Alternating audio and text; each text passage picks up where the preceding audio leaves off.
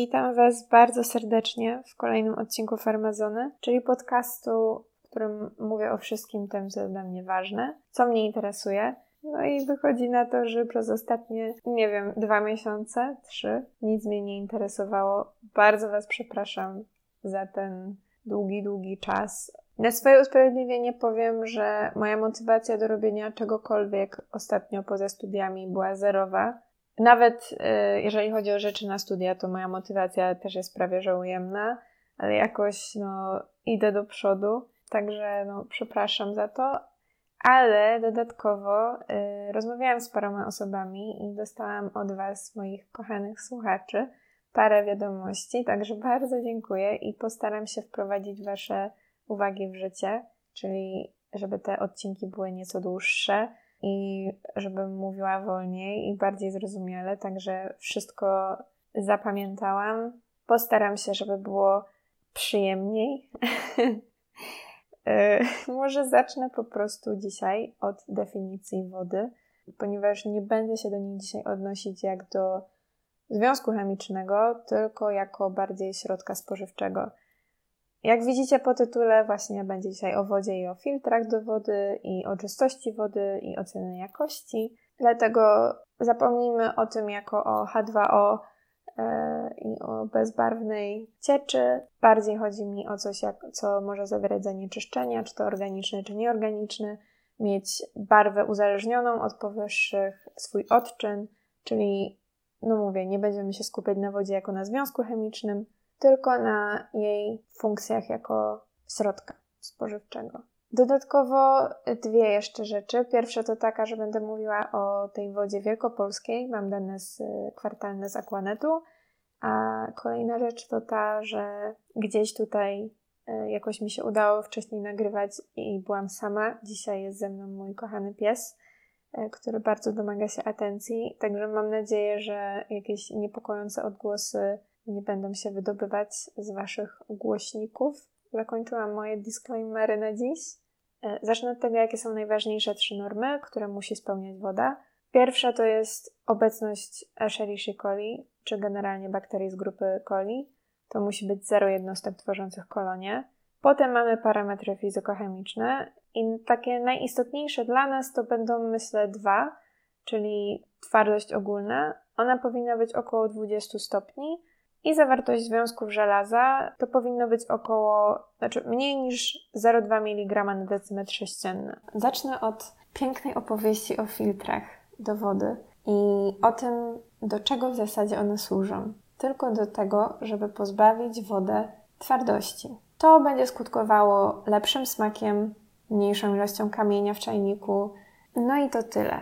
One w żaden sposób nie są filtrami mikrobiologicznymi. Owszem, są takie filtry, ale te tutaj, które mamy, te dwa najpopularniejsze, Brita i Duffy, żadne z nich nie będą oczyszczały mikrobiologicznie. To, co one robią, to jest tak jak wspomniałam, pozbawiają wodę jonów magnezu i jonów wapnia, ponieważ za twardość wody e, odpowiada, no głównie mierzy się ilość węglanu wapnia, ale również, co prawda w mniejszym stopniu, kamień tworzy także wodorotlenek magnezu. Aquanet jako twardość ogólną w swoich normach podaje właśnie ilość CaCO3, dlatego dla czajnika to jest super, dla osoby z kamicą nerkową to jest super, ale dla takiego dorosłego człowieka to jakieś takie wybitnie super nie jest. I to, co robią te nowsze filtry, to mają w sobie jeszcze żywice jonowymienne i one z kolei powodują oddawanie części tych jonów, tak żeby ta woda nie była całkowicie, no jakby w cudzysłowie oczywiście destylowana. Picie kranówki nie jest takie złe, jeżeli jesteśmy zdrowym dorosłym. Jeżeli przygotowujemy posiłki dla dzieci, no to trzeba to robić na wodzie o jak najmniejszej mineralizacji. Jeżeli mamy, nie wiem, e, nadciśnienie, no to też trzeba spożywać wodę, która ma mało jonów sodu, ale jeżeli nie mamy żadnych jednostek chorobowych czy specjalnych wymagań, to picie takiej kranówki jest ok. Aquanet e, publikuje kwartalne zestawienia, że ta woda z kranu jest właśnie faktycznie ok. E, są dwa akty prawne. Pierwszy to jest e, na Polskę, jest to rozporządzenie ministra zdrowia z 2017 roku, i drugi jest to dyrektywa europejska. Oba te akty podają różne zakresy, a w zasadzie nie zakresy, tylko wartości, które ta woda musi spełniać. Są to parametry mikrobiologiczne i są to parametry fizykochemiczne. Parametrów mikrobiologicznych mamy dwa. Jest to zawartość Escherichia coli i bakterii z grupy coli. Oczywiście oba te parametry muszą wynosić okrągłe zero. Później mamy takie parametry jak na przykład arsen, zawartość arsenu, azotanów e, czy barwę, cyjanków, magnezu, miedzi, fluorków, znaczy wartość odczynu, zawartość rtęci, siarczanów, twardość ogólna, tak jak już wspomniałam, e, przez węglan wapnia, sam wapń, żelazo, no i generalnie e, to są te takie główne parametry. I na koniec jest e, również wysnuwany wniosek, czy ta woda się nadaje do spożycia przez ludzi, czy nie, a dokładniej, czy spełnia dyrektywy, czy nie. To, co chciałabym poruszyć, to jest to, co znajduje się w tych filtrach. Brita na swojej stronie w bardzo przystępny sposób tłumaczy, że, że ta woda nie będzie pozbawiona fluoru, jedynej twardości węglanowej, że będą zwracane jony magnezu, jony wapnia, że woda, która będzie przechodziła przez ten filtr e, z węgla aktywnego, będzie po prostu pozbawiona związków chloru, no i to będzie wpływało na smak. I tak długo jak woda wodociągowa będzie spełniała przez dostawcę tej wody e, założenia, które będzie realizował jej dostawca, to wszystko będzie w porządku. A jeżeli nie będzie ten dostawca spełniał tych założeń, tych e, aktów prawnych, nie będzie przestrzegał, to taki dzbanek Brita i tak nam nie pomoże.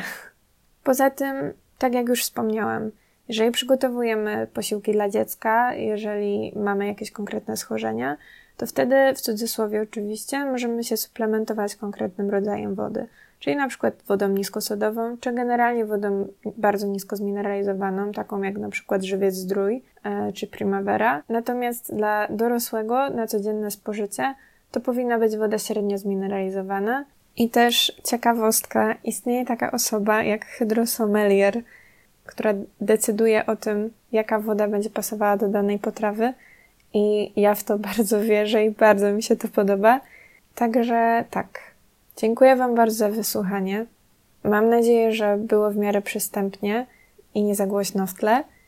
Słyszymy się oby już niebawem. Dziękuję jeszcze raz i do usłyszenia.